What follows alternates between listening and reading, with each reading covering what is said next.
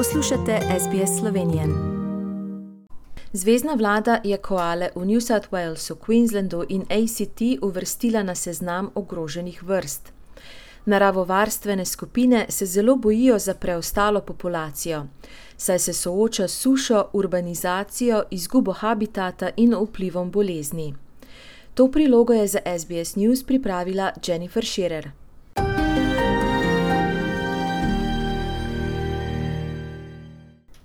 Lastnik parka koala v Sydneyju, Gary McNamara, je vse življenje posvetil zaščiti koal.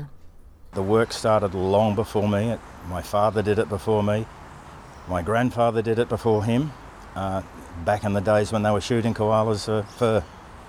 And it was realised then if we didn't do something for koalas, they weren't going to be around long. Zvezdna vlada je napovedala, da bodo koale na nekaterih območjih navedene kot ogrožene namesto ranljive in namenila 50 milijonov dolarjev za ohranjanje in zaščito koal. Ministrica za okolje Susan Lee pravi, da je to poteza, za katero upajo, da bo koale rešila. The koala has been under pressure for a while because of climate change, because of long dry spells. As a rural Australian, I know that well. And also because of disease. We estimate that up to 50% of our populations have chlamydia, so that's a real pressure. And of course, the bushfires. Populacije koal bodo navedene kot ogrožene v New South Walesu, Queenslandu in ACT, kjer skupine za ohranjanje pravijo, da se število populacije giblje med 30 tisoč in 60 tisoč. V zadnjih 20 letih se je število v New South Walesu in Queenslandu zmanjšalo za polovico. Uničujoči gozdni požari Black Summer, ki so divjali od konca leta 2019, so povzročili velike izgube, pri čemer je bilo ubitih ali ranjenih več kot 60 tisoč koal. Senatorka zelenih Sarah Hansen Young pravi, da je zaveza zvezdne vlade premajhna in da je prepozno.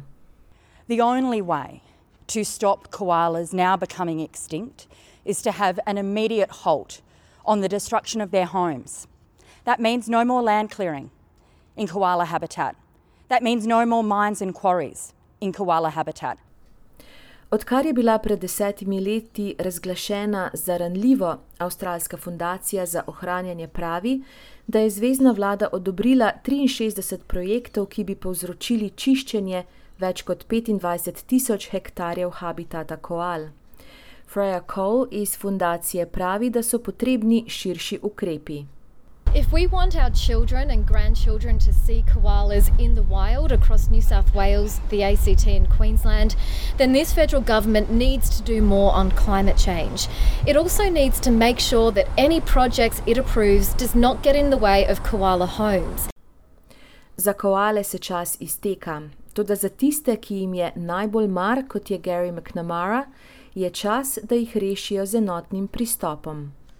I think it, this is the last stop, really. Um, for, as I said, for 100 years we've been saying they're going to go extinct, and unfortunately, we look like being very right. Želite slišati sorodne zgodbe? Prisluhnite jim preko Apple ali Google podcasta, preko aplikacije Spotify ali kjerkoli drugje.